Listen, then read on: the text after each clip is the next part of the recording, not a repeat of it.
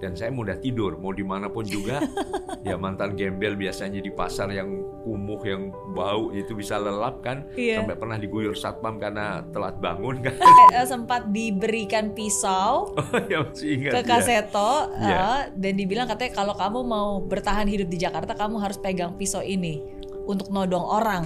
betul, betul pokoknya apa pun juga yang paling bisa melindungi kamu artinya bisa membuat kamu terus bisa menapak eh, tangga yang menuju ke arah keberhasilan nanti adalah yang paling penting jadilah orang yang baik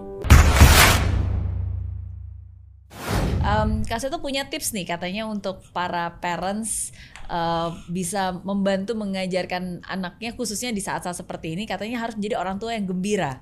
Oh iya. Oke. Iya nggak? Kita harus menjadi orang tua gembira dan membuat suasana gembira gitu untuk anak belajar. Iya, Mhm. iya. Iya, prinsipnya itu. Artinya betul-betul eh, pertama makna gembira ini selalu semangat, selalu penuh rasa syukur, optimis begitu.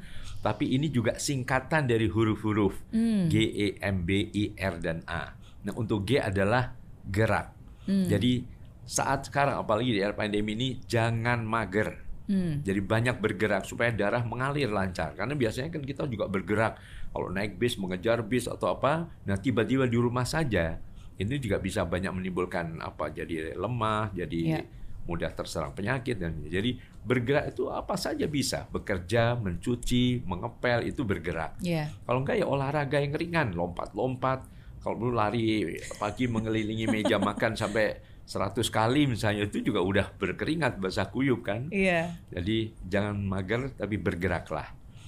Kemudian E-nya adalah emosi cerdas. Oke. Jadi kelola emosi dengan cerdas. Marah boleh marah, tapi tidak membanting pintu, melempar Hmm. piring atau mengutip segala koleksi kebun binatang begitu. Hmm. Sampaikan sayang, ayah marah atau mama marah. Ya, kenapa? Waktu itu kan kita janji sepakat sudah dibicarakan dalam rapat keluarga misalnya. Hmm.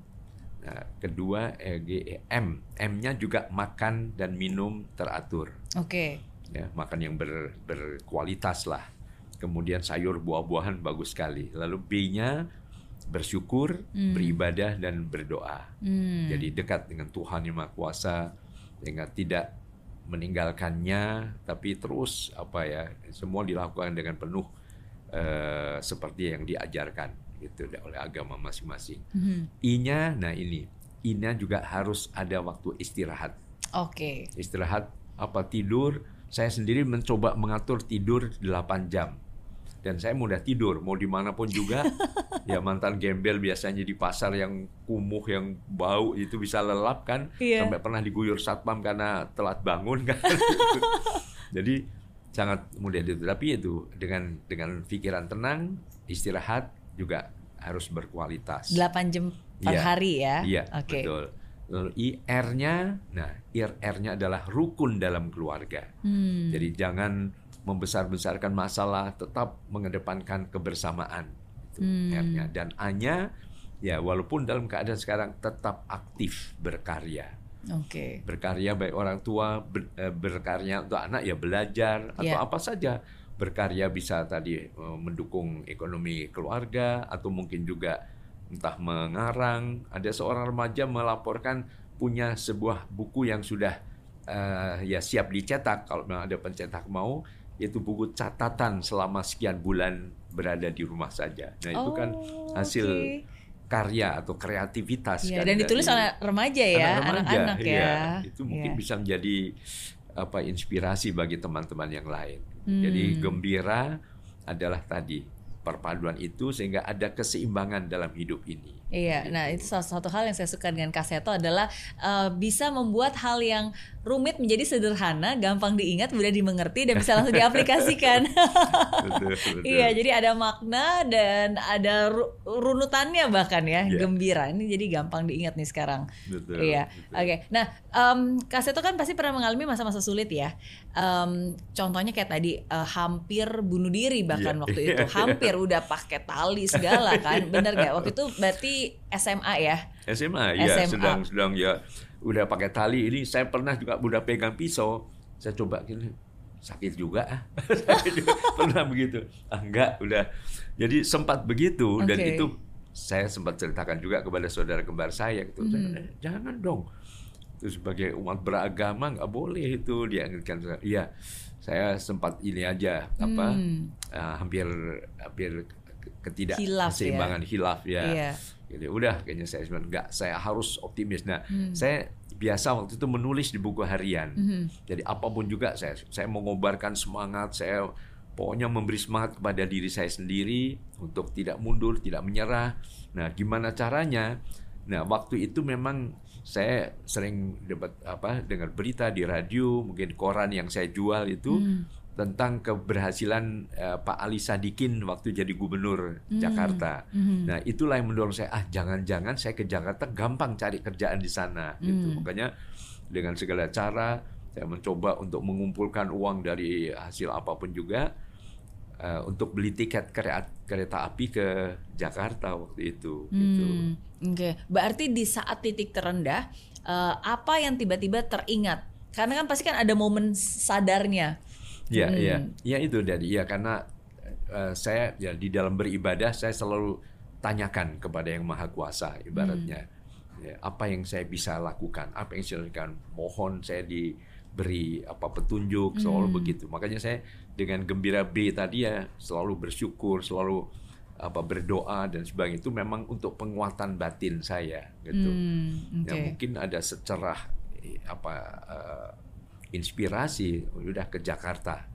Ya, Ya. dengan segala cara. Pokoknya siap menghadapi badai yang sedahsyat apa pun juga toh sudah terbajakan di kota Surabaya, kota pahlawan itu. Iya. Jadi modal itu yang membuat saya apa ya, ya semangat lah. Oke, walaupun setelah itu ke Jakarta ternyata lebih susah daripada yang sebelumnya, ya kan? Betul, Bahkan betul. sampai eh, sempat diberikan pisau Oh ya masih ingat ke ya. Kaseto Iya. eh, dan dibilang katanya kalau kamu mau bertahan hidup di Jakarta kamu harus pegang pisau ini untuk nodong orang. Betul, betul. Iya. Iya, waktu itu berkata waktu itu pas menjelang lebaran ya. Jadi ini mau lebaran banyak orang lewat itu wah bawa, bawa- pasti lebaran bawa uang segala macam. Udah kamu pakai ini, kamu hidup di Jakarta perlu ini gitu. Hmm. Saya udah pegang pisau itu. Saya udah terus saya bilang gitu. Akhirnya ya udah saya selalu berdoa, bersujud gitu. Enggak deh, saya kembalikan enggak, saya enggak. Hmm. Dan anehnya kira-kira eh, sebulan atau saya- satu setengah bulan yang lalu saya juga mencoba untuk belajar dari Miss Mary ya bikin semacam apa podcast semacam Hmm. Oh, gini. oke oke. Nah saya mengundang Mas Roy Martin. Aha. Sebelum mulai langsung kita sama-sama pakai masker. Eh, Kak Seto, saya bawa tamu nih. Ingat nggak sama orang ini? Mhm. Gitu.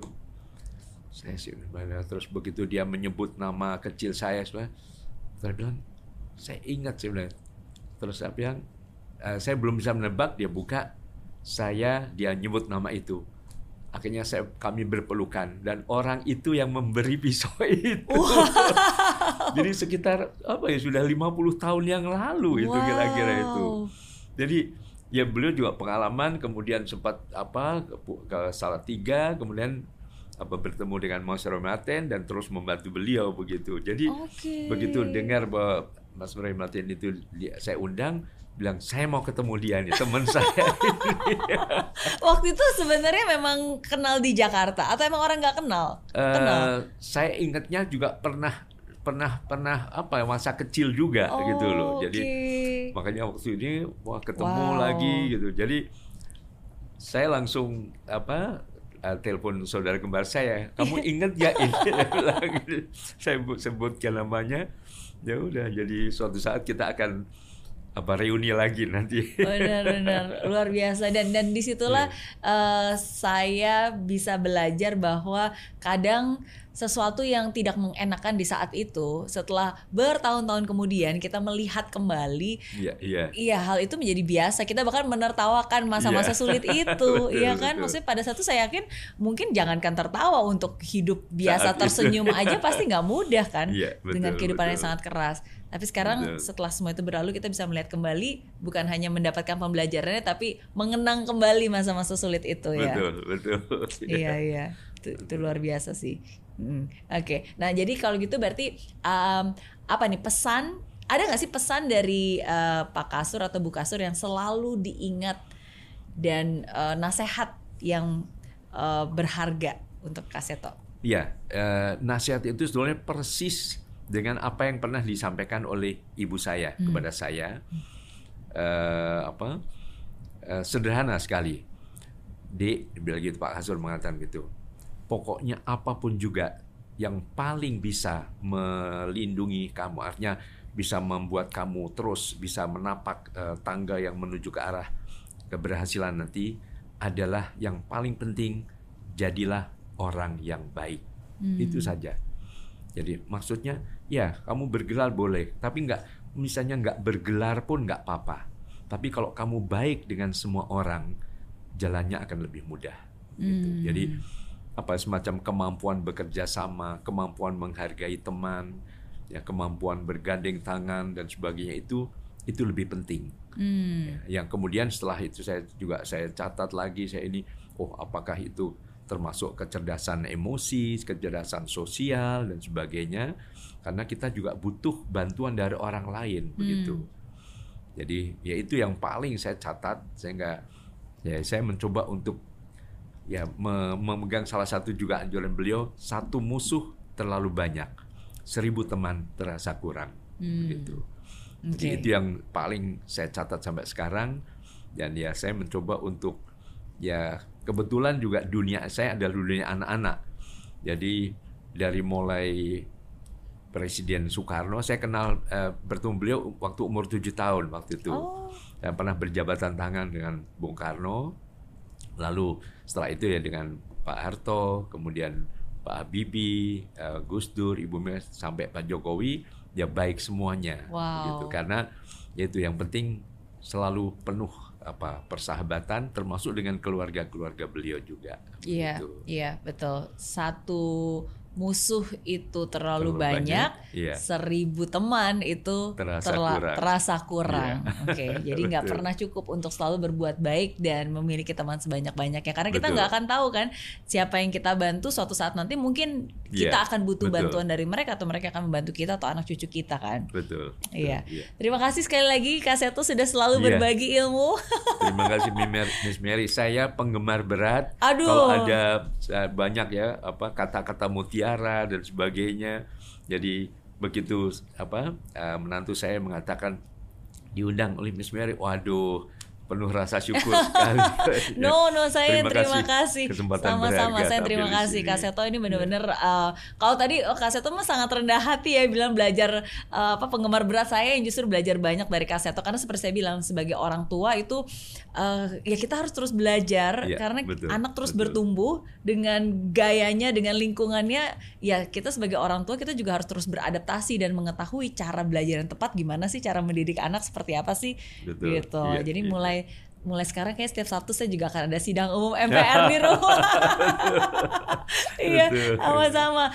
Sukses salam juga buat anak-anaknya. Iya, yes, buat Shalomita juga. Ya, sekarang kasih. udah lulus. Thank you. Dan um, buat kalian semua yang pengen tahu tentang um, belajar homeschooling di Kaseto uh, bisa langsung aja kunjungin ke tempatnya. Iya. Yes, baik. gedungnya ya. di sana dan baik. bisa ikut podcastnya Pak Kaseto juga ya. Tadi katanya bikin podcast ya? Iya. Apa nih channel YouTube-nya? Sahabat Anak judulnya. Kaseto Sahabat Anak. Iya. Oke, okay, luar biasa. Thank you so much sekali lagi. Semoga apa yang saya bagikan hari ini bisa bermanfaat buat uh, kalian semua. Seperti yang saya bilang, setiap orang punya cerita dan setiap cerita selalu membawa pelajaran berharga.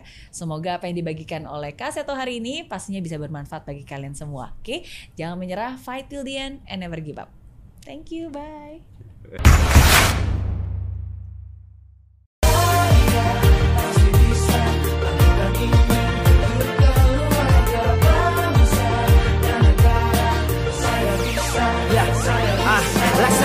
Tanpa hujan Hidup tanpa tujuan Kering dan mati tanpa hijaunya tumbuhan ah Demikian kalau mimpi tak kunjung terjadi